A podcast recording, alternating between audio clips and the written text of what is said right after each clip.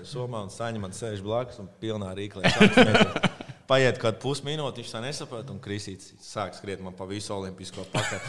Beigās noķēra, bet uh, iedeva pa kuņģi, bet tas Tieši tā, gribēju teikt, ka vispār ir sanācis tā, ka tu ej tādiem filmu scenārijiem. Ir tas visas sezonas, kad klubs tā, tad ir tā kā nav darbs, tev palaist. Esiet sveicināti VF podkāstā otrajā sērijā. Es esmu Rudolf Kungrāns vadītājs. Kas vēlreiz tu biji? Tu biji Edgars Barbaks, ko vadītājs? Kodītājs. Un šodien mums ir basketbola kluba TTT Rīga un Latvijas sieviešu basketbola galvenais treneris Mārtiņš Gulbis. Čau, Mārtiņ! Sveicināts! Prieks, ka atnāci. Un, bet šis ir VF podkāsts. Mēs parunāsim par tavām tagadējām gaitām. Tu ar VF esi saistīts bijis. Tas ir sanāk. Sezona VFā ir tavs vienīgais profesionālais gads uh, basketbolā, kā basketbolistam, vai tas nav vienīgais? Uh, vai sanāk tā? Mm, es pat nezinu, vai, vai to, arī, to brīdi, kad uh, vēl Latvijas basketbola otrā līga bija, teikšu tā, negribu noniecināt šā brīža situāciju arī pietiekami augstā līmenī, bet tobrīd vēl augstākā līmenī bija, jo mēs spēlējām kā Šķiet, ASK Rīga fanklubs tas bija. Mēs, ASK juniors? ASK juniors, es Dāvis, Bērtāns, Jānis Tīma. Vairāk ļoti nopietni vīri, un arī citās komandās bija, es atceros, augsts līmeņa spēlētāji, un līmenis bija ļoti augsts. Brīžiem likās, ka komandas arī profesionāli trenējās. Es domāju, ka Tas līmenis arī bija ļoti profesionāli un ļoti augsts priekš tā brīža situācijas. Jā, jo es atceros, ka tas bija tāds brīdis, kad, eh, nu, jā, kad tiešām bija farm klubi. Visiem klubiem bija, nu, bija ASK juniors, bija tas Rīdzens barons, nu, tās pašas. Bet eh, šī sezona, kurā tu spēlēji VFā, nu, VFā gan tā tev sanāk, ir vienīgā sezona. Eh, tā ir sezonas, ap citu, tieši pirms desmit gadiem. Nē, nē, VFā pirms tam es jau biju kā jaunais. Bija, bija pie valda. valda. À, bija, jā, jā. À, 2009. Jā, neatceros sen ļoti. Jā. jā, bet šī sezona pirms desmit gadiem, viņi ir, nu jā, tad pagājuši desmit gadi, man tā sezona likās interesanti, jo viņi bija. Viņi varēja mazliet uzskatīt par tādu Latvijas basketbola līnijas, manuprāt, atzimšanu, jo bija tie krūtie laikā ASK Barons. Tad bija tāds, nu, īsti nekas, un tad jau tur bija gan tur fināla sērijā 3000 skatītāji. Plus tā sezona ir interesanta arī tāpēc, ka mums šogad būs jāspēlē pret Lietuvas Rītu. Un uh, VFam š, mēs šo podkāstu palaidīsim. Snāk, būs bijis pirmā Champions League spēle pret Rītu vēl nē. Un arī tajā gadā jums bija jūsu uh, vienīgo reizi, kad bija nu, tā. Vispār, jā, tev ir divi sudraba Baltijas basketbola līgā, gan kā spēlētājiem, gan kā trenerim. Bet jā, tā bija vienīgā reize, kad bija visas tās Lietuvas stiprākās komandas, arī Žalgars un Lietuvas Rīts, kad VFs, kad kāda latviešu komanda tika finālā. Un, uh, Varbūt sākumā īsti pastāstīt, kā bija. Jo, nu, tur bija diezgan daudz pieredzes. Es nezinu, mēs mācījāmies vienā skolā. Tā kā tev plus mīnus augsts tāpat kā es. Un kā bija 18, 19 gados tikt trenēties, spēlēt ar VF. Nu, tur, tur bija diezgan uh, pieredzes bagāti vīri tajā laikā. Kādas bija tās sajūtas? Varbūt, nu, kā, nezinu, kā tev pieņēma, kā izturējās, kā tu pats iejoties, vai nebija sākumā tāds, oh, wow, es esmu šeit. Nē, nu, tur vispār tas bija mans līguma trešais gads. Šķiet, pirmajā gadā es tur ļoti minimāli vispār tikai eksistēju. Treniņu procesā pavadīju otrā sezonā. Arī tika izīrēta, kā jau minēju, junior komandai. Pēdējais gads tas bija gads, kad šķiet, Vefrīga komanda nomainīja nedaudz savu konceptu un palika no tādas talantu laboratorijas uz jau pieredzējušu un, es gribētu teikt, tā brīža vieniem no vadošajiem Latvijas, Latvijas izlases spēlētāju klubu. Un, nu, tas bija interesants gads. Protams, ja spēlētāji ir augstākā līmeņa, tad uh, pievienojās arī augstākā līmeņa speciālists uh, Rīgas Kurtinaits. Vai viņš karalis un tās reklāmas visas nu, bija tajā laikā? Nu, tur arī vispār kopumā, ja tā atceramies, mēs pirms, pirms podkāstā arī atcerējāmies to visu. Tas bija fantastisks gads. Un, uh, kā tas viss sākās? Uh, sākās ar to, ka es nezinu, vai Kristaps apvainojas Janičs, bet uh, viņš, viņš, es izstāstīšu, kā tas bija. Jā, viņš neklausīs. uh, mums bija fantastisks klimats komandā. Mums bija fantastiska komanda, gan arī Gats Jahovičs, kurš šobrīd ir uh, kluba prezidents, tāpat Jānis Gailīts bija. Uh, arī ļoti izcils savā darbā, ka viņš veids skautingus. Tāpat tās arī vispārējie Sandrs Valters bija un Kaspars Bērziņš. Un, eh, par Hauskas arī. Par Hauskas bija arī par viņu, tur ir daudz stāsti, bet viss tas kopā salikās par ļoti ļoti fantastisku komandu, bet sākās ar to, ka uh, pievienojās Janis Čēnoks. Nu, protams, man es pat neatceros, cik man bija gara 18. Nu, nē, nu, 16, kas, nu, 12, 19 gadi, 18, jā. Jā, mums bija vēl tā vecā ģērbtuve. Tagad jau VFM ir uh, fantastiski ģērbtuve. Tur pat, es domāju, daži klubu, dažiem klubam tik liels buļbuļs no kā VFM ģērbtuve. Nē, labā ziņā, noteikti labā ziņā. Un tas arī klubs ir audzis katru gadu un cepur nos par to uh, viņiem. Bet mums vēl bija tāda maza ģērbtuve. Nu, varbūt tikpat liela kā šī ģērbtuve. Un, protams, kad visi tur bija sasēdušies, un man tika tur stūrītī pie miskas, tieši vieta. miskas tur nes tieši pie ieejas sēdēja. Blakus tam citam man Sāns sēdēja, un pretī man Jani, Janičs, Janičs sēdēja, un es viņu varu uzrunāt. Tā viņš, domāju, neapvainosies. Bet, eh, tā bija pirmā sezona, kad viņš atgriezās Latvijā pēc Venecijas. Jā, jā, nu, visaugstākais līmenis, kā pieredze, tur noģērbties, nolikt drēbes. Tur, un iet tālāk. Nu, kaut kā es nezinu, kurā, kurā dūlumā bija izdomājis, ka jāizšakarē, Kristaps. Ir. Man ir 18 gadi, es ieraugu viņu, man nu, prieks vispār staroja. kaut kā es nezinu, ko es biju izdomājis. Un mums tāda kušeta bija, tur agresīvs stukls, toreiz bija doktors. Un, eh, Tā soma stāv, uh, kur stāv visi medikamenti, teipi, UTT. Es nezinu, kā viņš nebija pamanījis. Kristaps, es saku, Kristīt, netīrā vēl jāliek. Viņš laikam automātiski zina, kā pieredze tur pēdējā sezonā. Viņš paņem, ieliek to vēl iekšā tajā somā un saņem man sēž blakus un pilnā rīklē. Paiet kaut kādu pusminūti, viņš tā nesaprot, un Kristīts sāk skriet man pa visu olimpisko pakaļ. Beigās noķēra, bet uh, iedeva pa kuņģi. Bet tas, es domāju, bija tas, kad uh, mums izveidojās baigta labā ķīmija starp jauniem un vecajiem. Un, uh, protams, ka viņš man arī atriebās. Tas bija vēl, vēl smagāk, bet, bet bija tiešām lieliska komanda, kur eh, viens otru papildināja. Tur bija prieks atrasties vienalga, cik tā bija gada. Es atceros arī pirms tās sērijas ar eh, Rītas tieši nomainījās treneris. Ramons atnāca nu, yeah. pie Rīmas. Mēs tur klēpēdā. Ceturdaļ, pa ceturdaļas pārtraukumiem pumpējāmies visu laiku. Tas arī bija tāds interesants stāsts. Viņš, viņam, nu, viņš lika kā junioriem, jā, ja neapmierināti. Visiem, es domāju, mēs tur, kad, nu, nu, pēc otrā, pirmās ceturdaļas, kad simts reizes pumpējāmies, tur bija, man liekas, kaut kāds uzdevums par uh, uzbrukuma bumbām vai kaut kas tāds. Nu, es nezinu, es tik pumpējos. Es nemaz, nemaz neprasīju, kas. Un, e, Mēs gatavojamies, manuprāt, kādas divas nedēļas tajā spēlē tieši pret Rītas. Tur, kā jau minēju, Gailīts Jānis bija izdarījis fantastisku darbu uz kautingu. Es atceros, es jau naktīs kaut kādas pēdējās trīs visu no galvas zināju, ko viņi spēlēs. Un e, tā spēle mums bija arī izdevusies.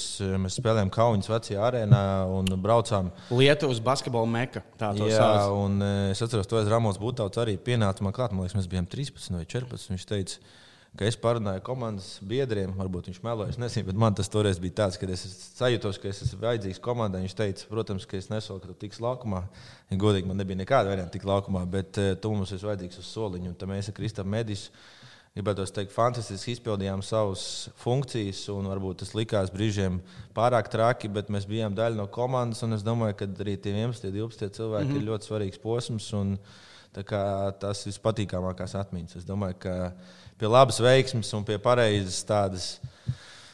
Nebūtu tā spēle Kaunijā, ļoti iespējams, ka Kaunis Zalgies arī krītas. Tā es to varētu norakstīt. Bet eh, tajā brīdī nu, tu esi tomēr eh, Latvijas galvenajā komandā, tā teikt. Un eh, rekur Ramons pasaka, ka tu mums esi vajadzīgs. Tev bija doma, ka ok, šoreiz es esmu uz soliņa vēl, bet nu, nākotnē es redzu sevi kā pirmā piecinieka džekša. Nē, nu, protams, ka tas bija eh, liels pagodinājums. Es domāju, ka tur vairāk gan Sandrs, gan Kristofers bija pateicis, ka uh, mums vajag tos divus čaļus, lai mēs redzam, ka uz soliņa tur ir viss kārtībā. Un, uh, Nu, protams, ka jebkuram basketbolistam, jebkuram spēlētājam nonāca VF Rīgā, tajā brīdī tas vispār likās, atļaušos teikt, žargonā kosmos. Un e, redzot, kāda spēlētāja pastiprinājās sezonas laikā, kāda spēlētāja nāca klāt, nu, tur tiešām tas bija klubs, uz kuru visi gribēja iet. Man bija liels gods tur būt. Arī treniņu procesā sākumā, kad vēl nebija visi sabraukuši, bija iespējas uzspēlēt. Un pēc tam visam tam ejot, Protams, ka es gribēju būt tur, bet, nu, diemžēl, nesanāca. Bet es to gadu atceros tikai ar fantastiskākām emocijām. Gribētu teikt, ka viens no labākajiem gadiem manā profesionālā karjerā, kaut gan viņi varbūt nebija tik gari. À, bet tā ir taisnība. Es, kur, es izgāju cauri kaut kādiem veciem basketbola apskatiem tieši saistībā ar atrast video no tās spēles. Lietuvas rītas, tajā Žalgaras arēnā. Bija tā, ka neitrālais kaunis skatītājs bija rītīgi arī par jums. Bija, bija, bija ļoti, bija, man liekas, pat es neatceros, vai kā viņi, man liekas, spēlēja pēc mums. Un bija viņa sanākusi jau puszāle zaļa. Nu, jā, viņa nāca uz, uz otro pusi. Jā, jā, un otrajā puslaikā bija. Jā, viņi tiešām ļoti atbalstīti. Tur ir naids vēl joprojām. Ir pavisam nesen svētdien arī skatījos. Kā, jā, tur, nekas, tur nav nekas mainījies. Tur ir sava veida, sava veida kultūra. Bija tiešām viņi bija ļoti gandarīti, kad eh, Rīgas klubs uzvarēja visīvākos konkurences. Jā, nē, to, ka tur tā kultūra ir, man nepiemina, bet es zaudēju vienreiz vienas derības. Man bija uz Kaunas žāģa spēle pirms trīs gadiem jāiet iekšā Kaunas arēnā ar Robertu Stelmacheru rītas formu. Es tur labi skatiens dabūju. tas, nu, īstenībā tas ir bīstami. Es tā novilku, es tur tā trīs minūtes izturēju. Manuprāt, tur ir pat bijis, kad uh, kāds aizbraucis ar Kaunas žāģeres spēlētājs. Nu, viņš nezina, amerikānis ar Kaunas žāģeres mašīnu. Man liekas, ka tur ir riepas noskrūvēts viļņā. Un, nu, tur nopietni veči. Dienvidē kā iet lietām. Labi, un, ja jūs uzvarējāt, eh, jā, jūs arī ne, nezaudējāt. Es skatījos, protokols nebija tā, ka tur žēlgars jūs tur pēc tam finālā pa 60 vinnēja galīgi. Nē, arī jūs tur varējāt. Nu, tur... Man liekas, ka 4 minūtes beigās mums bija plus 2. Bija, bija, jūs bijāt vadībā, jā. Bet kāds bija sajūta? Jā, nu, jāpiemina, labi, tagad arī ir liela fanses arēna, bet tas, kur jūs spēlējāt, eh, tās fināla, tā bija tā jā, Lietuvas sporta meka. 39. gadā celt arēnu. Kāds tur nu, varēja tajā visā just, kā, zin, kā, tā, tur stāstīja, ka cilvēki, piemēram, NBA paraksta līgumu ar Bostonas Celtics, viņi saka, un šis ir pavisam cits. Tu ienāc tur, tie, tu zini visu, kas ir noticis tajā gardinā. Vai tajā mekā arī nu, bija tā basketbola sajūta un tās visas vēstures uh, sajūta? Bija uh, tāda sajūta īstenībā. Es pat teiktu, tā, ka uh, Rāmons Būtājs mums bija tā noskaņojis, ka mēs vispār nerespektējām. Mums bija tā doma, ka mums ir jāiet un jāuzvar. Un uh, komandā arī pēc tās viņas, viņas spēles rītas nebija tāda sajūta, ka mēs kaut ko esam baigo izdarījuši. Un, uh, Es pat neskatu, protams, ka atmosfēra bija fantastiska, un tās vecās ģērbtuves tur, tur arī tādas interesantas vēl bija. Bet, nu, viņas bija tādas rīktīgi vēl vecās, jā. Nu, rīktīgi vecās, jā, un tādas tur arī šauras. Un, bet tā atmosfēra bija nokaitēta, bet es gribētu teikt, ka mēs bijām ļoti profesionāli, un tur bija ļoti īsts laiks vispār, lai sajustu to visu, kas notiek apkārt. Jo man liekas, ka tur bija īsts posms starp tieši, kad uzvarējām e, pusfinālu. Fināls uzreiz bija kaut kā mums tur bija treniņš, zāle. Tā, nu, tā bija es, nākamā diena. Tas bija uzreiz nākamā jā. dienā. Un, man liekas, ka pat piecos bija jau spēle, un mēs vēl beidzām kaut kā vēl tur kaut kas tāds. Mums bija vienkārši darba atmosfēra, un mm es atceros, ka arī ieejot ģērbtuvē pēc spēles bija tāds, ka nebija tur neviens nepriecājās par otro vietu. Mēs bijām uh, neapmierināti. Nu, es tur mazāk, es vispār biju priecīgs. Bet, uh, Krist... joprojām jā, es joprojām biju priecīgs par to, ka es tur esmu. Protams, es to neizrādīju tēlā, kad arī esmu ap, ap, neapmierināts. Bet uh, visiem bija tāda, nu, mēs varējām, un mums bija jāizdara, un mēs neesam izdarījuši to, ko mēs gribējām. Tāpēc es domāju, ka arī pēc tam, kas notika. Uh, Latvijas līnijas finālos tas viss atnāca atpakaļ. Kad spēlētāji bija motivēti un viņi saprata, kur viņi ir. Latvijas līnijas fināls arī bija uz soliņa. Bija, ja? Vai? Jā, bet man liekas, ka eh, pēdējās divās spēlēs es nespēlēju, bet man tik un tā bija jābrauc līdzi. Nu, būtībā pēdējās divas nedēļas man bija tāds kurorts. Braucu uz viesnīcu, braucu dienā ātrāk, paliec dzīvo Ventspēlī trenējies, bet uh, tas arī bija daļa no komandas. Tas arī bija uh, tas, kā komandas vadība un komandas treneris to redzēja.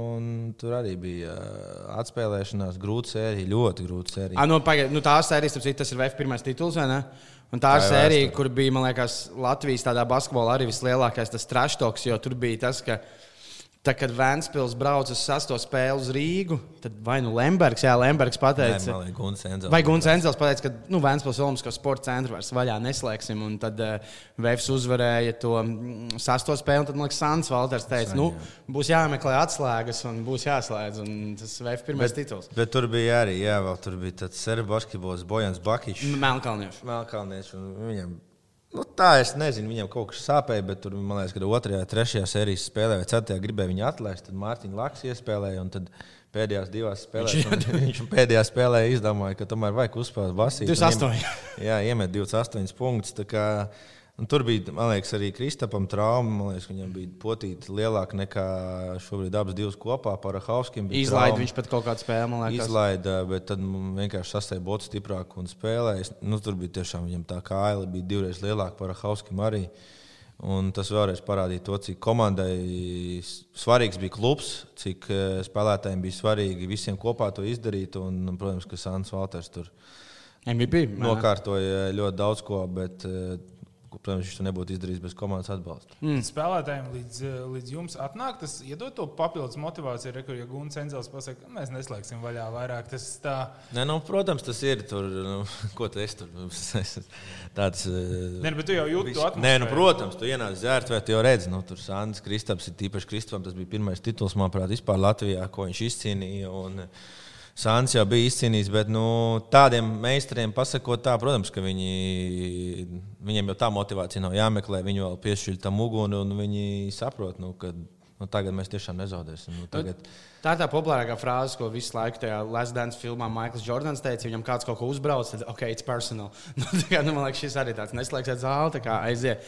Bet, eh, starp citu, Jā, nu, tas bija laiks, jā, kad es arī skatījos, nu, Olimpiskais sports, nu, Vēnspils OSC bija sold out. Tas Latvijā, man liekas, kopš tā laika.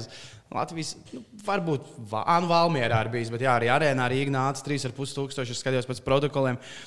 Kāds bija tajā laikā, bija ne vēl tāda, nu, arī VFM bija fanu kultūra. Tu arī varēji just tā tādu lielāku fanu atbalstu un kaut kādu to uh, hypu pilsētā, nu, vai vispār jutāt ap sevi, kad ir tie fināli un kad varbūt arī tie, kas neskatās ikdienā basketbolu uz to laiku, uz to fināla sēriju bija vairāk pieslēgušies, prasīja un nu, sekoja tam visam. Rīgā skatās, kas tev grozīja. Nu, es domāju, ja būtu šī brīža situācija, kāda šobrīd ir ar visiem Tinderiem un visiem nevis Tinderiem, bet TikTokiem, TikTokiem vai tur, kas tur Instagramiem un UTT, nu, tad tur vispār būtu vērprāts. Visi likti. Jo tur būtu.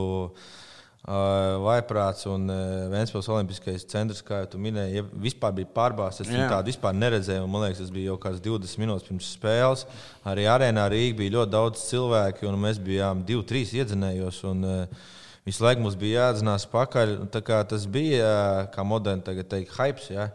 Jā. Un, uh, tas bija arī tāds personāls, personīgais duels. Es atceros, Aksels Vairoks ar Sandu Valteru, tad arī amerikāņi Man liekas, ka garais Hunters tur bija tāds - bija, bija viņam, jā. Džuku vēl tur bija, un tur bija tādi. Un Džuku bija iepriekšējā gadā uzvarējis VF finālā kā barons spēlētājs. Jā, un tur, tur bija, bija visādi dueli, kas piedeva krāšam, un bija ļoti labs basketbols. Dārzs Bērtāns uh, lieliski spēlēja. Es atceros, izveidoja savu karjeru, pēc tam to pārliecību ieguva Dārzs Bērtāns pret Jānis Strelnieku. Šī brīža Eirolandes duels, un tas bija Latvijā. Tas bija Latvijas līmenis, un uh, tas bija baudāms, ļoti kvalitatīvs basketbols.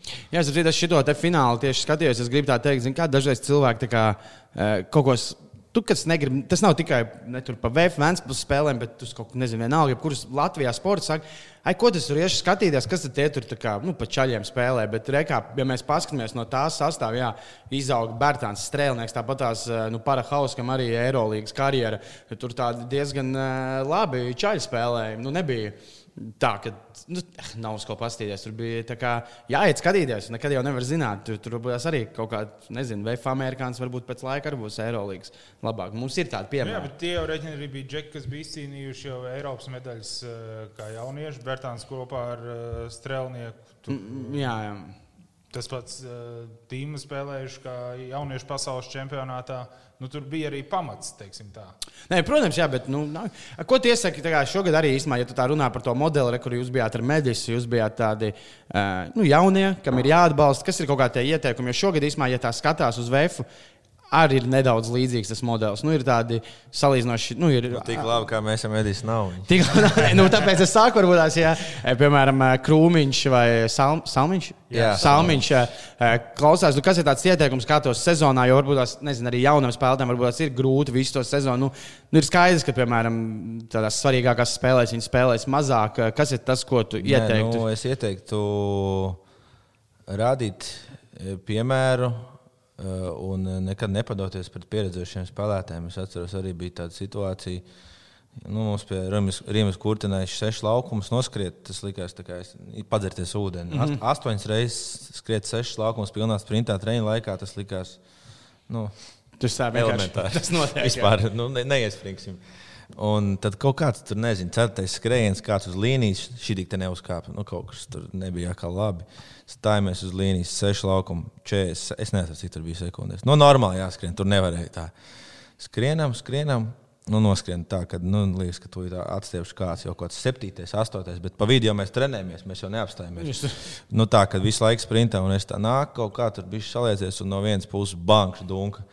Tas, nu, kas tur notiek? Kaut ko Jānis iedeva par rībām.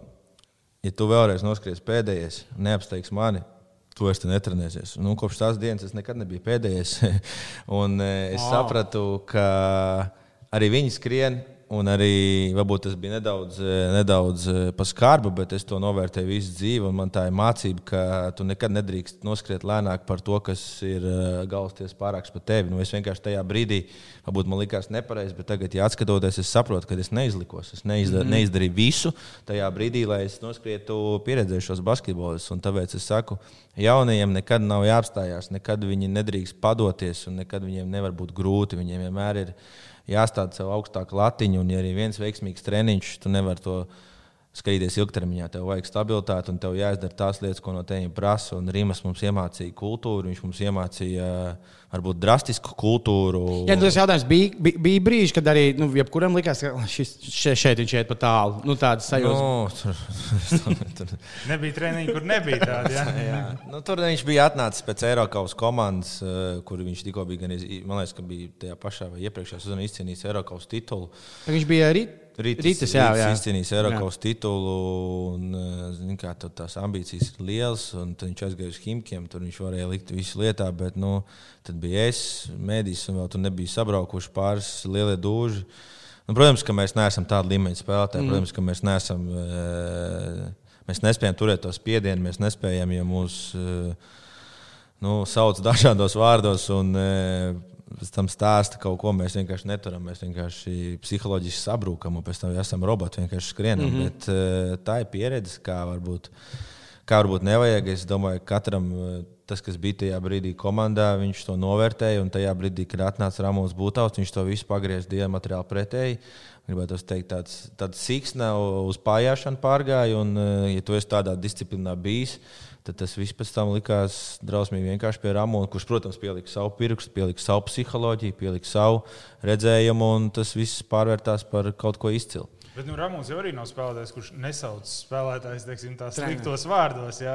Bet, nu, Ramons balss ir dzirdēts arī. Pēc Rīmas tas likās tāda no, vispār. Pasteigta. Nē, bet viņš jau ir arī, nu, ir jau Nu, kā, nu, brīžiem liekas, arī, ka es bļauju, bet uh, svarīgi jau ir, ko tu bļauj. Nu, Ramons teica par ģēli, nu, ja tur kāds kaut ko neizdarīja, ja kāds kaut ko nepareizi izdarīja, tad uh, viņš arī dabūja. Nu, visu to saprat. Nu, nu, jā, es neatbloķēju, viss kārtībā. Nu, es vienreiz, otrreiz neatbloķēju, man pasaka agresīvāk, viss kārtībā. Nav vispār jautājumu. Nu, bet brīžiem, ja tur skrien un skrien neaizskan līdz līnijai un kaut ko neizdara ne tā pareizi atbrīvojies, un tad tev tur Visādi sauc, tad, nu, tad ir tā, zin, kā, un, ja tu, tu piecreiz dienā no treniņa, ne, nesauksim kurus, tad, tad tas ir tā. Bet, kā ir Rimas? Nu, kā tu redzēji, viņš Mm, viņš ir tāds, ka tas ir kā, tikai darbs, un tā, kad nu, beidzās treniņš, viņš ir tāds, ka nu, varētu iedzert kafiju. Tāds o, mierīgs, nē, viņš nē, ir tāds dzelzis, ir visā nē, darbībā. Man, es domāju, ka mūsu pusē bija bail no viņa. nu, 100%. 100%. Es, nu, man ir līkuma gāja. Es... Ar, kā, ja tajā laikā, tu biji VFā, tu redzētu, ka pa blaumaņu ielu vienalga tev nāk. Nē, kā, neiet. tu paiet pāri otrā pusē veikalā ieskrēs. Es ietu, kur uz stūrī. Nē, nu, nē, nu, bija, nu, man, jā, man, nu, tā varbūt bija tāda nevis respekts, protams, tur nav jautājumu, tur respekts, cieņa, bet tās jau bija tādas bailes, ka nu, ārprāts. Un, nu, tur, bet tas ir normāli. Nu, varbūt tas, viņš to varbūt savādāk uztvēra, bet es negribu neko sliktu teikt. Tas bija lieliski pieredze man, lieliski, ka es to izmantoju savā karjerā. Man liels gods un liels paldies VFRI klubam, ka man bija tāda iespēja pie tāda speciālista strādāt. Bet ar citu, un šeit mēs tā, man liekas, labi varam iet nākamajā tēmā, kad man liekas, tā kā tev pat priekš tās tavas eh, nākotnes karjeras eh, kaut kādā ziņā pat baigi forši. Nu, pēc tam Jančēnam bija savādāk. Nu, viņš vēl tur, tur turpināja spēlēt, bet priekš tā, ko tu darīji, bija liekas, izcili, ka tu dabūji tajā sezonā gan Rimasu, eh, gan Ramūnu. Nu, kā nu, divas... Vispār kopumā izcili. Es domāju, arī Valds, Valters, Ramūns būtās, tāpat arī Nikolais Mazurs. Uh, Un uh, Rīmas nu, ļoti tāpat tas man arī bija Baronā vai Lainars Virsniņš, Igors Migalnieks. Nu, man vispār tā bagāža ir diezgan nopietna bijusi, no kā var mācīties. Un, uh, es esmu tikai pateicīgs. Es pat nezinu, kam jāsaka, ka tā ir noticis. Jo, uh, Nu, protams, ka katram tāpatās arī Rīmasam bija uh, sava ideja, savu, savs redzējums par basketbolu. Un, uh, ja tev ir slikts redzējums par basketbolu, tu Eirolandā nevari strādāt, tu nevari uzvarēt Eiropausā un uh, sasniegt mērķus, ko viņš ir sasniedzis. Protams, ka metodas, kas strādā pret lietuviešiem un latviešiem, tas ir dažādas. Uh, bet, uh, kā jau es minēju, tas, tas laiks bija grūts, bet tas laiks bija vajadzīgs, lai saprastu, varbūt, kādas lietas strādā un kādas nestrādā. Man šķiet, ka daudz īstenībā tagad arī klausās, apskaties. Gulbis tik eh, perspektīvas basketbolists eh, pie tādiem treneriem. Vienā brīdī tā spēlē, spēlētāja karjera tev aprāvās. Pastāstiet nu, par, par to brīdi. Ne visi to zina, kāpēc un kā un kas. Nu, jā, tas arī bija. Uh Nu, likās jau, ka tas, tas uzreiz nākamais gads arī. Tas, jā. uzreiz nākamais, un eh, tad, protams, ka man jau tajā sezonas laikā bija eh, ļoti smags sāpes cirksnī, un nevarēja saprast, kas tur ir. Un, tur pie Rīgas nebija tāda iespēja. Zin, tagad es skatos, ka pāri tur uz masāžas galdiņa sēžās jaunie spēlētāji. Es domāju, nu, tur bija masāžas galds. Kad, nu, Seši metri no turienes varēja tuvākais pieeja. Tur parasti kristīt, sāņa, viss pēc kārtas. Un, nu, Es pat nevienu neaizgāju mašās. Godvārds, varbūt tas nav pareizi. Es nezinu, kā tas ir, bet eh, mums bija tā, ka mēs nu, tur pat varējām neprasīt izmusēm. Nu, tāds nepastāvēja. Un, eh, nu, man ļoti sāpēja, un es tā arī centos to pasniegt. Bet, eh, nu, protams, ja tev ir iespēja trenēties VFā, ja tev ir iespēja trenēties pie Rīgas kurtināšanas, nu, tu veic ar sāpēm. Tu ej, iesmērē kaut kādas mērīt un dodies. Nu, tā arī es darīju līdz. līdz bija iespēja braukt uz Latvijas izlasi. U20, manuprāt, un es biju atpūties kādas divas nedēļas. Domāju, pārējais viss kārtībā, augšu, bet es jūtu, ka nav kārtībā. Toreiz, manuprāt, Agris Galnovskis bija treneris, jā, vai Vārds Krūmiņš, neatceros, kas bija U20. Nu, nav īpaši svarīgi, bet es aizbraucu, pirmais treniņš, es saku, nu, man sāp, es nevaru patrenēties. Tad man nosūtīja uz magnētisko rezonanci, un jā, nu, tur atklājās ne, ne tas patīkamākais mm. skats, un uh, par to varbūt. Detalizēt es negribētu. Ie, ie, ie, jā, tā trauma bija smaga. Tur nu, gandrīz gūžu kauls iegāja zarnās, un tad varēja palikt pa invalīdu. Labi, ka tas viss nebeidzās tik smagi, bet nu, tas bija process, kas bija smags. Un, uh, bez ģimenes, bez māmas, bez brāļa, māsas, diez vai es to izturētu. Uh, bet tagad tā atskatās, ka varbūt tās pat nu, nevis labāk, bet uh, Kā varbūt tas nav tā, ka vieglāk ar to visu samierināties, ja tas notiktu nu, nu, rītīgi ātri. E, nu, kad, man, man, man kaut kā liekas, ka, piemēram, ja jau kaut kādos 23 gados, kur jau tā, tā karjera jau ieskrējusies, kur es jau spēlēju, es esmu, nu, nu, tev bija viņa, bet nu, nebija jau tā, ka. Nu, Tas bija likās tev kaut kā, vai nu kaut kā jau tu sev mierināji, ka, ah, nu labi, ka tā vai. Nē, nu, protams, tā jau jebkurā lietā var atrast labo. Nu. Jebkurā lietā var sameklēt kaut ko, kas ir labāk, bet tajā brīdī, protams, es tā nedomāju. Un, kaut kā vienkārši labi paveicās, kad uh, brālis man tāpat vienmēr ir zinājis, ka uh, man tā basketbola izpratne un tā kā es skatos basketbolu, vienmēr ir bijusi nedaudz savādāk kā citiem. Arī, ja mēs tur spēlējām vienalga pret kaut ko, es vienmēr esmu saglabājis visus pierakstus, visus skautinga materiālus, visas kombinācijas. Man vienmēr ir interesējis, kā, kā darbojās treneri, arī cik jauns es biju, un arī laukumā es to centos izmantot. Tad viņš vienkārši man paprasīja, varbūt tu gribi man patrenēt. Uh, Un tad veiksmīgi mūsu mājvietā, tā, tā brīža mājvietā, Bolderā, jā, es Bolderās rīta buļos, bija iespēja patrenēties. Tur es māju un Akselu patrenēju. Tad viens veiksmīgs zvans cilvēkiem, un tad viss aizgāja ļoti labā gultnē. Bet tu jau nākamajā gadā trenēji? Uzreiz, jā, nākamajā jā. baronā, pa bet, asistentu. Bet tas bija LBL divi. divi jā, LBL tas... divi, un tad jā, mēs decembrī tur notika rokāde, un tad jā, kļuva pa galvenā baronu. Nu, tas liekas kaut kas eh, joprojām neiespējams. Nu, kā kaut kas tāds var notikt? Kā tev pašam eh, tas nav?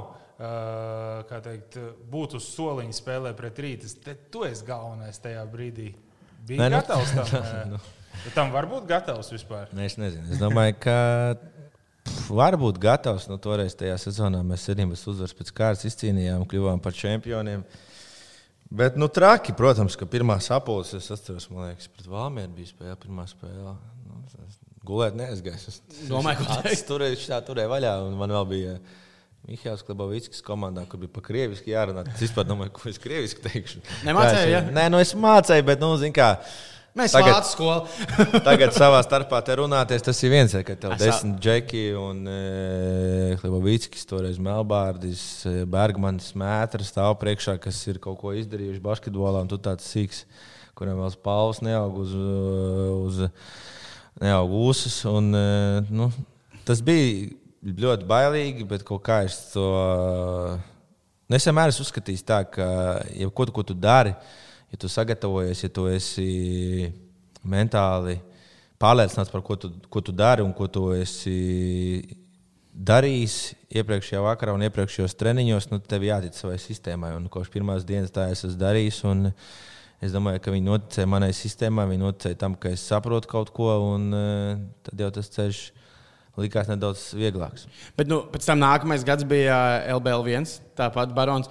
Un kā, tu, tur man es atceros, es gāju pēc to spēli un domāju, Kā bija? Vai, labi, lai viņš likās arī tāds VF laikos tāds diezgan sakarīgs, bet tajā gadā tas nāca, ka tu, ja tu pirms brīdiņa biji 11. un 12. čāls, kurš nu, uzdevums uz soliņa atbalstīt, tad divus gadus vēlāk tu Taileram Keinam esi galvenais treneris. Tā kā viņš tā, kā tā pieņēma, ok, labi, šis ir mans treneris, vai viņam, viņam bija kaut kā to grūti pieņemt, vai viņš bija tāds, kas tā, nu, pieņēma noteikumus un viņš darīja. Jā, tā, nu, viņš likās tāds cilvēks. Tādā ziņā vispār nebija. Viņam arī, liekas, bija labākā sezona karjerā tajā Baronas komandā. Un, starp citu, arī bija interesants stāsts. Viņam nebija līdz pat jaunam gadam neviens piedāvājums pēc VF komandas. Tad kaut kā, kaut kā Baronas menedžments uzrunāja viņu. Tad viņš aizdīja tiešām lielisku sezonu. Bet, Nu, es vienmēr esmu domājis, kā man tur izdevās kaut kā, kādam vispār kaut ko iestāstīt. Un, kaut ko tur, bet, zin, kā, ja tu kaut ko zīmē, kaut ko stāsti, un tas spēlētājs ir brīvs, vairākas situācijas pēc kārtas viņš to realizē, nu, tad jau ir manuprāt, tu sāc saprast, ka treneris arī kaut ko tomēr saprot, ka viņš nav tāds. E, varbūt kā viņš izskatās, man jauns un vēl kaut kā, bet es domāju, ka tur arī mans brālis daudz palīdzēja, ģērbtuvēs palīdzēja visu to turēt kopā. Bet ar Taileru, ja mēs runājam, viņš bija fantastisks cilvēks. Arī es domāju, ka VF vadība atcerēsies viņu tikai kā ar labāko kas bija toreiz. Es atceros, VFA arī viņam bija pārbaudas līgums sākumā, bet eh, nu, viņš neko neizdomāja. Ir tur daudz spēlētāju, kas o, jā, viņš šodien, bija. šodien izdomājuši tā. Viņam nebija metiens, viņš gāja pēc bumbām, viņš eh, spēlēja muguru pret grozu. Viņš bija ļoti labs uz piespēli, tieši tādā short rolā. Es atceros, ja pīsījā ierāvienā toreiz bija noskautots tāds. Viņš bija labs cilvēks pirmkārt un labs arī un ļoti piezemēts basketbolists. Uz citu, viņam ar to visu kā, karjeru ir ļoti veiksmīga. Viņš tagad joprojām ir Francijas augstākajā līgā, kas galīgi nu, nav slikts um, līmenis. Ne, pirms tam, liekas, viņš vispār bija 7 vai sešus gadus Itālijas monētā. Itālijā arī, jā, jā. Nu, tā kā ļoti labi karjeru viņam. Bet viņam arī bija interesanti tas, ka viņš bija, kā tu saki, bet viņam ik pa brīdim bija tā viena visu laiku, kā skaits, nu, viņam tur būmas bija vienmēr kaut kāds stils, bet skaits, tur, tur 6, 8 punkti, viņam ik pa brīdim bija, un tad pēkšņi 19 punkti. Viņš arī varēja, ja, ja vajadzēja, tad viņš arī samet, cik es atceros. Eh, bet jā, un tad eh, viens tāds pirmais, tāds nu, spilgtākais, man liekas, eh, tavs. Uh, trenera, kad visiem, man liekas, bija ka, kā, okay, nu, ne tikai spēlētājiem, bet uh, arī tādai basketbola sabiedrībai, kas seko. Mm, bronzā vai ne? Uh, ar, ar Barons Rīgu. Ar Barons Rīgu. Kvartālu. Barons kvartālu. Ar, tas laikam arī Barons kvartāla pēdējais gads. Jā. Jā.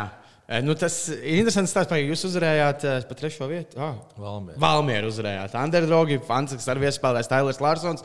Bet, nu, kā tas viss palika, kā, kā tie prieki. Tu, nu, tur zin, mēs visi zinām, kas tur notika. Vis kaut kādas lietas fonā, kas klubs. Pēc tam, nele, eh, tagad, kad tu gāji uz to bronzu, tu apzināti gāji, ka. Nu, vienalga, kas būs tālāk, man galvenais ir izcīnīt uzvaru. Tu nedomāji par to, kas varētu notikt eh, pēc tam vasarā, rudenī. Vienalga, tev bija tikai tajā brīdī rezultāts. Jā, nu, protams. Uh tas, kas tur notika, tas arī notika. Arī tā ir pieredze, un arī no tās es mācos. Un, un tas bija pff, interesants laiks, bet eh, sākot jau ceturtdaļfināla sērija pret Jēkabili. Jau tur mēs nebijām favorīti. Jēkabili tajā gadā bija ļoti labs sastāvs, daudz latviešu, daudz labu basketbolistu. Pagaidām, Jēkabili tre un treneris bija Rudolfs Rozīts. Ah, Rudolfs Rozīts jā, arī bija. labi bija spēlējuši visu gadu. Arī pēdējās spēlēs viņi Ventspili bija uzvarējuši un tādu ātru basketbolu demonstrēja. Bet, uh, Mums bija arī nebija slikta komanda. Arī mēs labi spēlējām, es tā uzskatu, bet tā stabilitāte mums tā līdz galam nebija. Līdz ar to uh, Mums nebija mājas priekšrocības, un tā sērija pret Jēkabili, es domāju, iedeva mums tādu pārliecību, ka mēs varam. Un, e, nu, protams, ja es teikšu, ka es tur e, negāju bronzu vai domāju kaut ko citu, nu, tā nebija. Es mm -hmm. gribēju uzvarēt, un es gribēju pierādīt, ka ar tiem spēlētājiem, kas bija manā rīcībā, ka mēs varam kaut ko izcīnīt. Un, uh, ka es arī pats kaut ko saprotu basketbolā, un pats, kad uh, varu kaut ko pierādīt. Tā bija liela motivācija. Tās visas blakus, uh, blakus lietas, kas nebija maz, blakus lietas, kas uh, ļoti ietekmēja kopējo sniegumu gan komandā, gan treneru sastāvā. Tas traucēja, bet neskatoties uz to, mums bija viens kopīgs mērķis. Mēs to gājām, un, protams, te arī pieminēja Tālera Larsona. Nu, ļoti labs viņš bija, un e, viņš pavilka visu līdzi, bet tur noteikti visas komandas nopelns. Tur nebija neviens tāds izteikts, izteikts vīrs, kurš varētu kaut ko uz sevi. Tā bija laba komanda, labi agresīva, noskaņota komanda un ļoti nekaunīga komanda.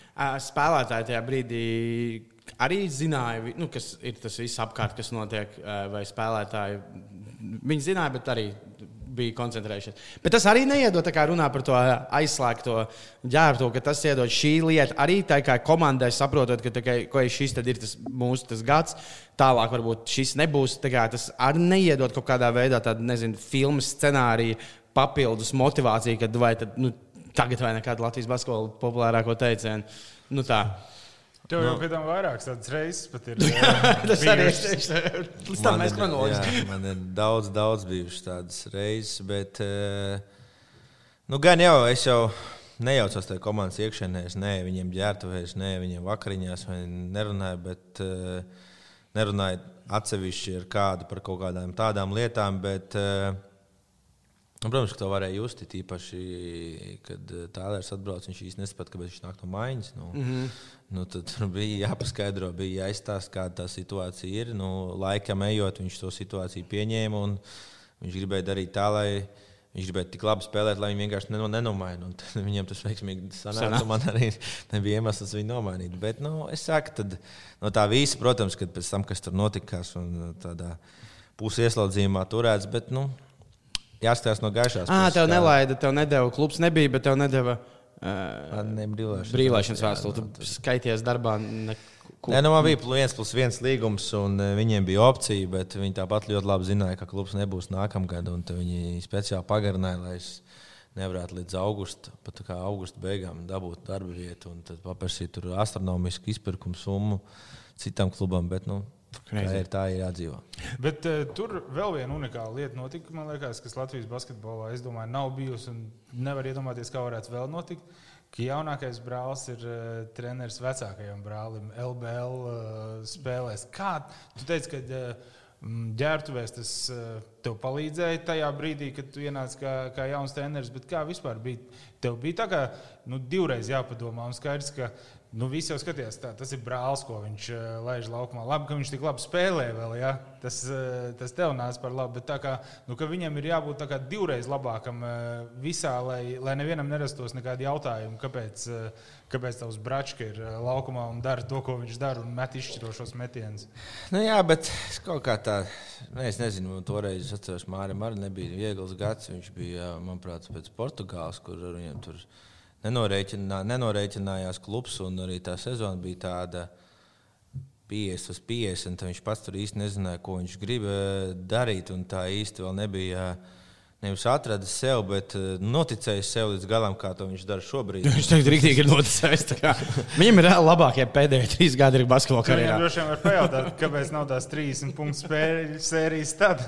Nē, nu bija arī toreiz, manuprāt, viņš bija arī BBL rezultātīvākais spēlētājs, arī Latvijas līgā bija MVP. Un, uh, Nu, es nezinu, es nekad neesmu atdalījis. Es vienmēr esmu zinājis, varbūt vairāk nekā citi, ko viņš var un kas ir viņa stiprās puses, un arī varbūt viņa psiholoģija. Un, uh, kas brīž, brīžiem varbūt ir nedaudz traucējuši viņam karjerā, bet uh, noteikti tās ir lietas, ko vienkārši treneriem ir jārunā ar spēlētājiem un jāsaprot. Uh, viņš bija labs, viņš labi spēlēja, viņš joprojām ir labs un labi spēlē.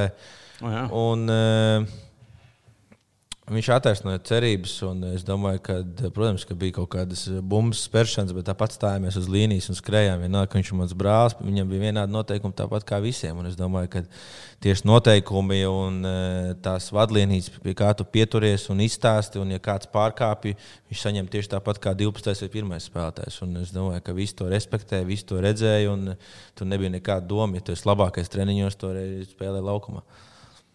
Vēl viena tāda arī super unikāla epizode. Man liekas, ka tu varēji justies eh, ļoti privileģēts ar saviem asistentiem. Tajā vienā brīdī, ko tu jau pieminēji, Miglinieks un Zvirgzdiņš, kas nu, abi divi, es varētu teikt, eh, Latvijas basketbola leģendas, nekautrējoties tajā brīdī, kad eh, nu, tu vēl tikai sāci savu karjeru. Tomēr.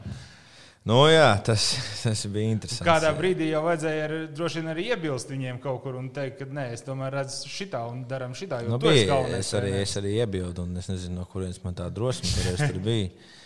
Bet nu, situācija nebija viegla tādā ziņā, ka vēl joprojām, un visticamāk, visu dzīvi abus trenerus respektēšu un būšu pateicīgs par to, ko viņi man iedeva, jo padomu un tādu saprāšanu par basketbolu viņi man nekad neliedz to, ko es jautāju. Toreiz es atceros, ka Barons īpašnieks man teica, sūdz ārā visu, ko tu vari izsūkt, kā tāda švāme, un es tā arī darīju. Un, e, brīžiem es domāju, ka viņam jau bija apnicis, ka es laiku uzdodu jautājumus par kaut kādām basketbola lietām, bet es nevarēju nomierināties. Es gribēju saprast, basīt. Es gribēju būt e, labāks treneris, bet vienā brīdī jā, bija pienācis, man liekas, kaut kāda playoff. Un vienā ausī viens, otrā otrs, un pa vidu vēl es.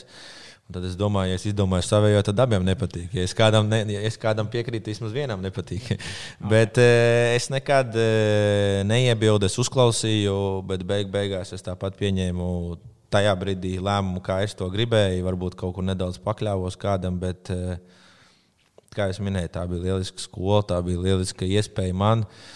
Un, uh, tiešām liels cits redzējums par basketbolu. Viņiem katram ir savs, katram ir savi plusi, katram ir savi mīnus, tāpat kā man.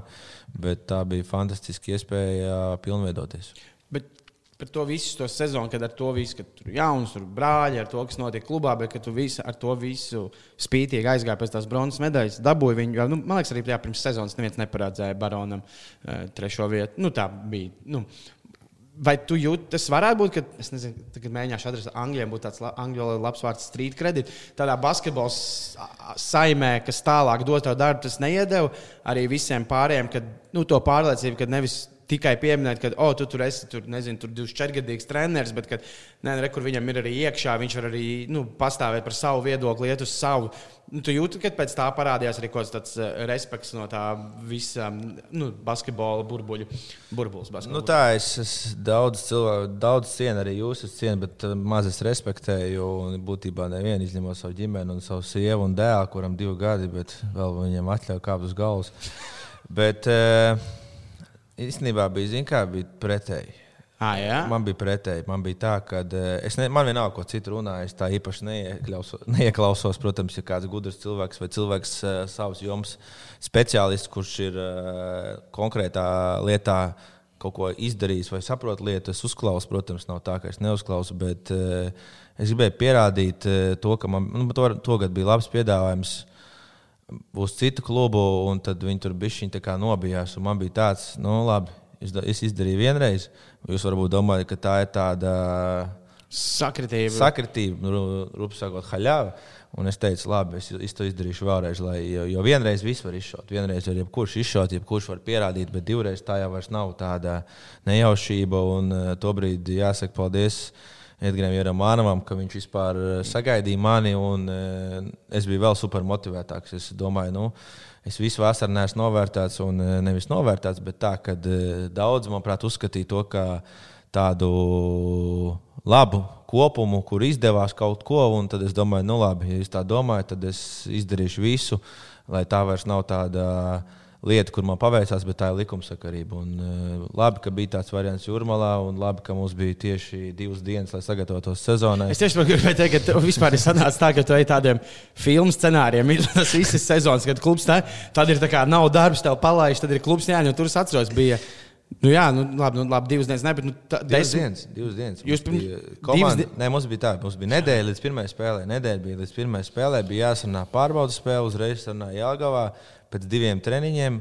Un vienu aizbraucām uz Igauniju, un tad sākās sezona Jēkabīlī. Jā, tur mums bija septiņas dienas laika sagatavoties. Nu, joprojām likās, ka varēs pierādīt. Es joprojām nopietni domāju, bet tur bija kaut kā labi sakrits, ka Valmēras komanda pēc Baronas sezonas un Baronas komanda bija abas bankrotējušas. Līdz ar to parādījās ļoti Spēlē. liels spēlētājs spektrs, kuri vēl nav noslēguši nosacīti nevis paši dārgākie, bet spēlētāji, kas ir tādā vidus līmenī. Un, eh, toreiz Haralds Kāls, bija Ervīns Jonās, tas pats Uģis Pīnētē. Bija ļoti labs sastāvs mums, ļoti labi desmit spēlētāji, bija arī jaunie. Bet, eh, Nu, man tā, es domāju, ka es ceru, ka man eh, nekad nebeigsies tā deksme, tā, tā griba pierādīt, griba uzvarēt un redzēt, ka man deg acis un ka man nav apnicis tas darbs, ko es daru, un, ja man tā kādreiz būs, tad es to nedarīšu. Bet es ļoti šaubos, un es uzskatu, ka ne tuvu vēl neesmu izdarījis to, ko es gribu basketbolā. Līdz ar to man katrs, katra, katra iespēja ir liels izaicinājums, un es to uztveru kā tādu iespēju. Nevis sūdzos par to, kas man nav, bet priecājos par to, kas man ir. Un tajā gadā arī tas pirmajā gadā arī bija tā īsā gatavošanā, bronza Latvijā un uh, sudrabs pēdējā. Baltijas basketbola līnijas. Bet nu, tur gan jāpiemina, ka Baltijas basketbola līnija bija jau nu, bez cik kaut kādām četrām labākajām Baltijas. Nu, teorētiski. Nu, Nu, Lietuviešiem nebija Žalgiris un Rītas. Un... Žalgiris, Rītas, man liekas, arī Neptūnas nebija. Vēnspils un Vēnspils. Un Vēnspils. Bet tāpat tās, bet tāpat labs turnīrs bija. Nu, tāpat tās ir jāvinē, tāpat tās ir jāvinē arī šauļu komanda, kura mēs zinām, ja mēs paskatāmies. Uh, budžetu, kāda ir Lietuvas komandai, minimālais ir 400 tūkstoši. Tajā gadā viņi uzvarēja vēl Žāģīru, tur bija Birūtis, tur bija Sabēckis, jums no šeit neko neizsaka, bet viņi tur bija, viņi uzvarēja Žāģīru, un mēs arī labi spēlējām pret viņiem, uzvarējām mājās. Tā, tā bija arī vēl viena tāda laba sezona, kur bija prieks darboties, tāpat kā visās. Tas arī bija. Nu, arī Jūrmāla arī kļuva par tādu nu, komandu ar stabiliem, stabiliem atbalstītājiem. Nu, bija, nu, nāca, tur bija pilna tā, es nezinu, cik tajā zālē. Cik, Ne, 600, 700, ne, kaut, kaut kas tāds. Kaut kas tāds, jā. jā. Bet, eh, nu, tad arī tur arī, diemžēl, pagājušajā gadā eh, viss beidzās. Bet, starp citu, es par jūrmās gribu pieminēt, eh, tev, tu jūties mazliet pagodināts, ka, lai gan īstenībā tagad tā spēle ir mazliet, viņa zaudējusi nozīmi, bet Tu jūties nedaudz pagodināts, ka tur varēja būt Kaspars Kambals pēdējās profesionālās basketbola spēles treneris. Bet tā bija nu, profesionāla spēle jau tā bija. Nu, jā, pēdējā. jā. Viņš tur kaut ko Garkalns viņš turpina, turpina ārdīties, bet, protams, ka man bija gods un viņam bija divi veseli treniņi. Protams, ka tajā brīdī viņš trenējās boxā, līdz ar to viņam bija cita slodze un cita sirdsspēja tādā ziņā, ka viņš varbūt nevarēja skriet tos laukumus tik daudz, bet nu, tajā brīdī, kad uh, Nu, kā parasti es veidoju kaut kādas sadarbības, un eh, es prasu, parasti spēlētājiem prasu, no kurā pusē tev labāk tur saņem bumbu, kur tu labāk jūties. Nu, tad es prasīju, kas pram. Vienalga, kur. tad, tad es sapratu, ka uh, es nebiju redzējis, piemēram, es nezinu, jūs jau neaizdomāties par tādām lietām, jo nav nemaz bijis laika. Ka, Jebkur, kur tu dod, viņš saņems bumbu. Nu, ziniet, parasti tur dod kāds izķeksē, vai jā, viņš nevar iedot postā kādam. Nu, tur nebija problēmas. Viņš saka, man te vajag, es tur attiecīgi uzzīmēju. Tur, ja tu saņēmi bumbu, tad tur vienmēr, ja tur viņš bija, tad tur vienmēr bija bumba. Vienalga, kā varēja mest kājas, īsti viņš dabūja to bumbu vietu ieņemt. Un, eh, cik šaurā, plā, šaurā telpā viņš spēja savu ķermeni koordinēt, nu, tas bija fantastiski. Viņš tur jutās labi, tad viņš tur, nu, es nezinu, tur neviens nevarēja viņu noturēt arī bet, treniņos. Arī bet tad tu saprati, ja, jo nu, tev ar viņu nebija snācis spēlēt kopā, pēc tā tu saprati, kāpēc viņš ir Eirolandā iemetis 42 punktus vai 41, cik tiem tur nu, bija. Nu, to var uzreiz redzēt. To var arī, piemēram, ja tur nu, parasti taisīs tur tādas kustības pirms, pirms spēles, tad tur zina kaut ko iziet cauri savas postkustības. Nu, kad viņš taisa, tad es bez aizsarga arī ticams, ka viņš aizsarga apspēlē. Nu, viņš ir tik labi savu ķermeni pārvalda un uh, tas viss mājkustības. Un arī pārsteigts biju par to, ka varbūt brīžiem liekas, ka viņš īpaši daudz laukuma nedomā, bet viņš ļoti daudz domā. Un katrai viņa kustībai, ko viņš dara, ir loģisks izskaidrojums. Viņš tur stāstīja, kā viņš vienu kustību iemācījās tikai tāpēc, ka zināja, ka viņam būs palīdzība. Latvijas helikoptera. Viņš zināja, nu, tā, kur spiež un tā lecienā met. Viņš teica, ka viņš zināja, ka uh, visas komandas sāk uh, baigi dziļi palīdzēt. Un ir jāspiež uz vidu un ātri kaut kā jāizmet. Un, ja tā loģiski padomā, tiešām ļoti gudri, un viņš to bija atstrādājis perfekti, un tā bija katrai kustībai. Bet arī pēc tās spēles jūt, ka viņš varētu nu, gūt tos 20 punktus šajā Jā, tieši tā, nu, kā pret Kalēvu. Nu, nebija tā, ka tā bija tāda parauga spēle, tā bija regulārā čempionāta spēle tā, pret Kalēvu. Nu, tā Kalēvs tobrīd bija, bija ļoti labs sastāvs. Ļoti labs sastāvs. Viņu bija līgā. Jā, apakšā tas zemteksts par zemtekstu. Nu, jā, pareizi. Tie vēl es atceros, Kalēvs tur tā pārbijušies bija ar apsargu, kā pārā no autobusa, kā pa, kā, pa kāpnēm ar apsargiem gāja. Tur bija ārprāts, jā. Un, kā mums neko iznāca, tur pats vēl kāja augšā līdz griestiem. Jo viņš var nereāli augstu. Viņš jā, kā, es redzēju, meža parkā pēc tās garkānas runču spēles. Viņš tur augstie radio, tur viņš īsi uzliek. Ir tāds staipās, kreizī. Nē, nu, mēs zinājām, ka es viņam iedošu bumbu. Un es zināju, ka viņš kaut ko tur izveidos, bet nu, pirmās trīs epizodes nebija labi. Trīs bloki. Es tāds, nu, jo, cik ņemt negribu nost.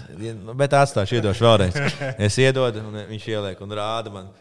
Es, es sapratu, ka ir. Viņš pēc tam tur darīja, ko viņš gribēja. Tur, 20 vai 22 punkti. Jā, jā, nu viņam būtu. Es saku, būtu viņam vēl bišķiņi, bišķiņi viņš būtu patrenējis nedēļu ilgāk. Es domāju, ka mēs arī to spēli varētu uzvarēt. Ja mums nebūtu toreiz ir Mānavs, Edgars, Rokas salā. Jā, jā, jā, mēs tur seši cilvēki bijām ar kambalu ieskaitot. Kā, nu, tur augstākā līmeņa basketbolists. Pārpildīts tribīns. Nu, cik nu varēja būt pārpildīts? Nu, nu, tur, tur bija vairāk, kā varēja. Tur, man liekas, ka bija tūkstots, tūkstots cilvēku. Jā, jā, tur bija. Nu, labi, un tad tev tagad ir pēc jūrmā, lai arī tur tā beidzās, kā beidzās.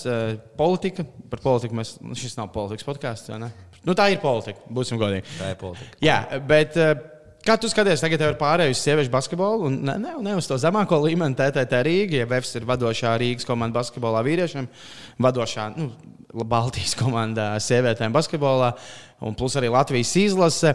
Tu kaut kā tā skaties, piemēram, piedāvājumu šķiro sieviešu, vīriešu basketbols, vai tu gribi strādāt pie basketbola, un tev vienalga ir labs piedāvājums, interesants piedāvājums. Tas var būt sieviešu, vīriešu basketbols. Tev, nu, tu nešķiro tā basketbols. Tas, bum, nu, protams, un arī tagad uh, nedaudz, lai saprastu, piemēram, tagad savā treniņa procesā, ko es darīju vīriešiem un ko es daru ar sievietēm. Nu, protams, kā atletiskums un tāda jauda ir nedaudz savādāk. Nu, bet, uh, kad es esmu strikti un diametrāli pretēji savam mainījis savu treniņu procesu un kaut kādas uzdevumus. Tā nav. Vispār tā nav. Un es domāju, ka arī tas, kāpēc es nokļuvu pie sieviešu izlases, kad to arī Gunta Baško izlases ģenerālmenedžera šī brīža TTT Rīgas valdes priekšsēdētāji minēja, ka viņi grib eh, integrēt eh, vīriešu lietas mm -hmm. arī sieviešu basketbolā. Ja mēs paskatāmies visaugstāko līmeni, un arī nesen rādīja Eiropas čempionātu pēdējo, nu, tur ir arī sāk parādīties vīriešu lietas. Un, eh, tādā ziņā, ka basketbols kļūst fiziskāks, ātrāks un tāds jaudīgs, bet par piedāvājumiem. Nu, es, protams, ja nu, nav ko melot, ja TDT Rīga nespēlētu Eirolandā. Nu, diez vai es būtu šīs komandas galvenais treneris. Man ir vajadzīga kaut kāda savā, savā izaugsmē, izaicinājumi. Nu, jā, ja viņi spēlē tikai tajā Latvijas, Igaunijas nu, līgā, tad, jā, tad uh, droši vien, ka es, es nesaku nē, bet nu, es apdomātu. Un, protams, ka man uzrunājas bija ļoti pateicīgs Rīgas valdei un visiem pārējiem, kas izvirzīja mani, bet man bija. Liels nevis lūgums, bet ieteikums, ja komanda piedalās Eiropas prestižākajā sieviešu klubu turnīrā, kas ir Eirolandā un kas ir ļoti augsts līmenis. Manā skatījumā man nav vispār divu domu par to. Es gribēju strādāt Eirolandā, un, ja mēs skatāmies savu karjeras kāpienu, tad es uzskatu, ka tas ir solis uz augšu man. Strādāt kaut vai ar eh, ļoti augstu līmeņa eh, sievietēm, es domāju, ka šķirot kaut ko te nebūtu īpaši svarīgi. Un, kā jau tu pats minēji, Vēfrīga un TTT ir divas komandas, kas darbojas. Lā, pārstāv Latviju Eiropā. Un, Jā, šobrīd vienīgās. Un tā bija mans nākamais solis, ko es gribēju savā treniņa karjerā. Es gribu sevi nevis pieteikt, bet uh, strādāt Eiropas skatos. Mm -hmm. Es gribēju beidzot arī tikt ārpus Latvijas, Latvijas tirgus. Es domāju, ka šeit esmu pietiekami daudz redzēts, pietiekami daudz analizēts, kritizēts un tā tālāk. Bet es gribēju arī būt Eiropas skatos. Un, protams, jauniešu izlases tas ir viens, bet, bet tādā jā. klubā, un ja ir iespēja strādāt tādā klubā leģendārā kā TTT Rīga, nu, ir diezgan liels grēks atteikties. Cik viegli ir tā? migrēt no vīriešu uz sieviešu, sieviešu, vīriešu. Kā jau mums ir pieredze, ir migranti treneriem, jā, bet vispār tā Eiropā skatoties, tas ir tā regulāri. Okay, šogad viņš ir piemēram sieviešu klubu trenē, pēc tam atkal večus, pēc tam varbūt atkal sieviešu komandā. Nu, labi, es domāju, ka Eiropā 28 gadīgs džeks, kurš netrenē. jā, 30 gados vispār spēlē basketbolu. 30 gados spēlē gan pie sievietēm, gan pie vīriešiem. Bet, uh, es negribētu tā dalīt, un e, es nezinu, kas dzīvē notiks rītdien, kāda situācija vispār pasaulē. Tas Jā. viss sarežģīja visu kopējo bildi. Bet, e, ja man prasītu 20 gadu vecumā, kad es kļuvu par baronas uh, treneru LBL2, kad es pēc 10 gadiem strādāšu ar sievietēm, es teiktu, Rudolf, Edgars, izguļieties, mm -hmm. viņa to dara, un tad parunāsim rīt no rīta. Ja bet, teikt, bet Eirolīgā? bet Eirolīgā tad arī es teiktu, kaut ko varbūt jaunības maksimāls, bet eh, šobrīd es teikšu, tā esmu laimīgs. Esmu ļoti priecīgs par to, kā meitenes strādā, kāda ir eh, atdeve no klubu vadības, eh, ka viņi cenšas saprast manu filozofiju, manu redzējumu. Protams, mums ir daudz, jā, daudz garš ceļš ejams, bet es eju uz treniņu laimīgs, es eju mājās laimīgs, es varu pastīties savam dēlam acīs un ar tīru sirdsapziņu, ka esmu izdarījis visu, ko es varu, un man tas ir svarīgākais. Un, kā, kā jūs minējāt, Eirolandā ir ļoti augsts līmenis, un uh, mums ir ļoti grūti spēles priekšā, bet uh, man patīk, kā meitenes progresē, man patīk uh, iedot savu redzējumu, un es domāju, ka tur jābūt kaut kam labam. Pirms, Tālāk, viena lieta, pateikšu, kas jums, ja nākamais jautājums būtu par to, kas ir kopīgs VFM un TDT, bet es gribu mazliet atbildēt uz tavu jautājumu. Tā kā Mārtiņš saka, ka par to migrēšanu, man liekas, viņi notiks aizvien vairāk, līdzīgi kā runā, ka vīriešu basketbolā pazūd pozīcijas. Es domāju, ka pirms 20 gadiem vēl daudz izteiktāk būtu atsevišķi, man liekas, sieviešu treneris. Jo nu, tas basketbols arī sievietēm, vīriešiem, liekas, tā plājas, kāds bija basketbols, bija savādāks. Man liekas, ka tagad aizvien vairāk varēs, man liekas, treneri lēkāt šurp tur. Nu, tas ir tas no manas malas skatījums, manuprāt, ka tā var darīt. Nu, Kaut gan, nu, ja mēs paskatāmies tādā Latvijas līmenī, laikam jau visi tie vadošie, piemēram, sieviešu izlases treneri, viņi jau tomēr ir sākuši ar vai arī paralēli. Zvirgzniņš kaut vai, nu. Zvirgzniņš, Gundars Vētra, tāpat arī Mārtiņš Zibards bijis. Ir jā, jā, jā.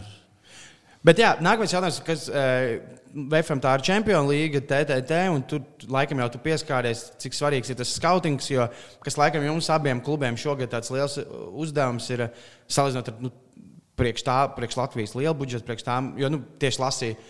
Pirmā spēle vakar bija, nez, šodien ierakstam, nezinu, rīt būs spēle, bet mēs rādām, ka viņi ir bijusi pret Strasbūru VFM.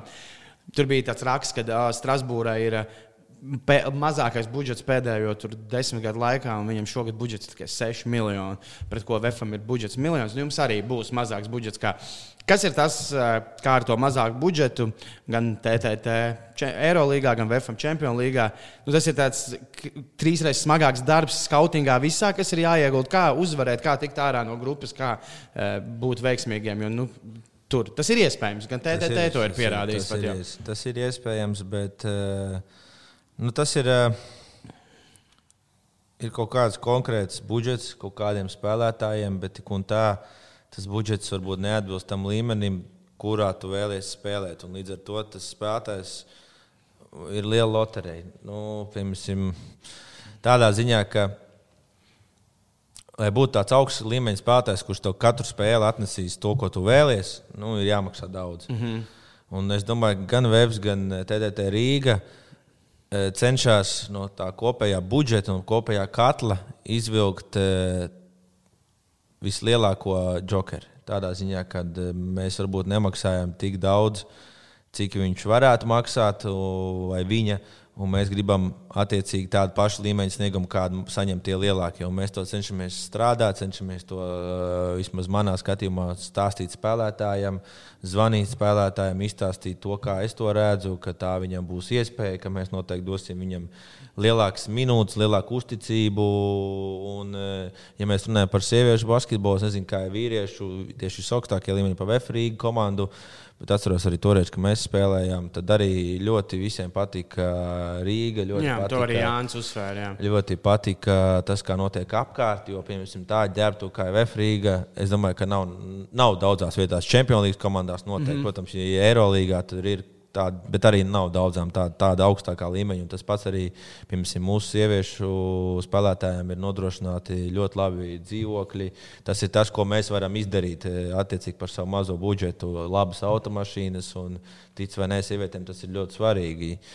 Un eh, tas, kā par viņiem rūpējas, tu aizbrauc uz uh, Hursku Nu, nu, tur, tur zālē ir mīnus 6, un tur nevienam nedomā, tur nav ne fizioterapeits, kā mums ir divi vai trīs. Vefam, man liekas, vēl vairāk ir, kur ir aprūpē tevi, kur izdara visas tādas lietas, kuras varbūt par naudu nevar nopirkt. Un tāds ir stāsts piemēram, par Zviedru basketbolistu, kas pagājušā sezonā ļoti labi spēlēja. Kas viņai bija? Viņa Drameh, viņai Drameh. bija ļoti laba sezona, viņiem bija labi piedāvājumi, bet viņi gribēja atpakaļ, jo te izturās pret tevi ļoti profesionāli. Te ir gaišs, te ir laba pilsēta, te ir uh, labas zāles. Te, nu, te viss ir visaugstākajā līmenī. Un brīžiem varbūt es domāju, ka Es neteikšu, ka visi, bet eh, mēs arī to nenovērtējam, jo mēs nezinām, kā ir citur un kā ir citās vietās. Citu, par šo ir tāds labs piemērs. Labi, protams, tur atkal Rīga nekad nevarēs ar visiem labiem apstākļiem, nu, jo tur sakošos zobus brauks jau ar lielu naudu. Bet ir tāds YouTube kaut kāds 4-5 gadus vecs video par amerikāņiem, kas spēlē, kas tā pilsēta, kur UNG, UGM, Jekaterinburga. Nu, viņas tur, labi, viņas tur pelna super miljonus, bet tur bija tas jūtas, viņas rītīgi nelaimīgas. Es teicu, ka, nu jā, nu, mēs notrenējamies, un tad mēs nākam šeit dzīvoklī. Jo, nu, mums nav, nu, tur nav, nu, viņas negrib iet ārā. Tur, ne, nu, kā, tā, jā. jā, bet viņām jau nav, man liekas, bagie varianti vispār, jo viņas tajā Eiropas sezonas laikā nopelna vairāk nekā sieviešu NBA. Tu, tu neskaitām. uz Jekaterinburgu. Es domāju, ka pat TTT nopelna vairāk kā sieviešu. Nu, sieviešu NBA ir. Nē, nē, nu, tik traki ar to. Nu, bet, eh, nu, protams, tas jau arī ir stāsts par to, ka, nu, a, kur tu to naudu līgst, tu jau tāpat gribi aiziet, es nezinu, uz restorānu vai kaut vai. Nu, tas jau, zin, kā cilvēki pierod pie kaut kādām uh, siltumnīcas apstākļiem, kur tev ir komforts. Nu, Tad vienu dienu tu sēdi, otru dienu paiet nedēļa, divas, tu brauc tur visiem pāri. Bet īsti jau tas prieks nav. Līdz ar to būtu tā ir mums liela priekšrocība gan VFM, gan TDT, ka mums te ir jā, komforts. Redzēt, to tiešām ir uzsver arī Jānis Gailīts pirmajā podkāstā.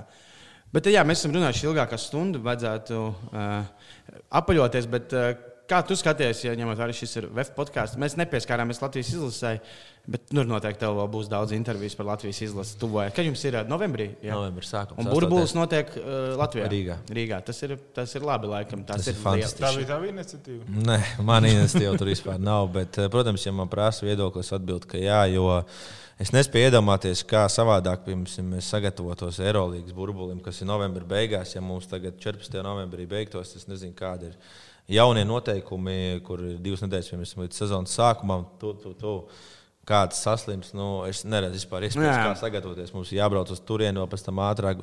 Liels paldies Basketbola savienībai par šo iespēju. Jā, jūs arī esat visizteiktāk no, man liekas, visiem klubiem. Nu, Nu, teiksim, godīgi, UGM kā nav Krievijas izlases bāze. tur, nu, tā, nu, jums tas ir ļoti izlases TTT. Tas ir nu, ļoti daudz spēlētājs pārklāsies. Bet par VF, kā tu pēc tā, ko redzēsi LBL, pēc tā, ko redzēsi sastāvus, kā tu prognozē, kā tu Skaties uz VF komandu, vai tur redzi, viņai ir labs potenciāls uh, uzvarēt nezinu, Latvijas Igaunijas līgu un mēģināt cīnīties un varbūt tikt divniekā. Uh, ja mēs tā čempionīgā. Nu, es vienmēr esmu bijis godīgs, man nekad nu. nav bijušas problēmas pateikt acīs, un kaut kad pavisam nesen arī skatījos. Uh, ar slavenu treneri tādu interviju. Tas, tomēr, manuprāt, ir ļoti svarīgi, ka tu vari spēlētājiem pateikt acīs arī tās lietas, ko, kas viņam nepatīk, un tas, ko viņš negrib dzirdēt. Līdz ar to es teikšu taisnību. Šis eh, VF Rīga modelis, man liekas, eh, viens no simpātiskākajiem pēdējos gados. Eh, gan Aigars Čēlis piesaistē, gan arī Kristers Zorika piesaistē un kopumā arī to, ka ir jaunie basketbolisti un to, ka viņiem ir vieta 12. un arī uh, ārzemnieki. Matsens man arī pagājušā sezonā simpatizēja, un šogad otro sezonu jau labāk par tiem trim pārējiem. Es domāju, ka tur ir vajadzīgs laiks. Latvijas-Igaunijas līnijas līmenis viņiem nav. Tas nav jā. Viņu varbūt līdz šim parādītais sniegums, bet uh, es uzskatu, ka ir ļoti labs līdzsvars starp pieredzi un jaunību.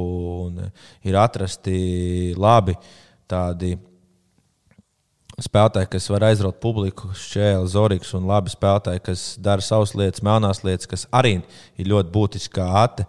Un Helmans. Jā, Helmans arī. Un, e, līdz ar to es novēlu Vefam tikai to labāko, un arī treneru korpus ir uh, gadu no gada audzis un arī gatavoties pret VFRI komandām pagājušā sezonas iepriekšējās. Nu, nav viegli sagatavoties, viņiem ir ļoti labs, labi arsenāli spēlētāji. Šogad varbūt nav vairs tik izteikti liela garie spēlētāji, kur atkal treneru korpusī pamainīs savu spēles zīmējumu. Kaisers ir tāds spēlētājs, kurš vairāk var mainīties, vairāk var uzlikt, kas arī ir priekšmodernā basketbolā ļoti labi.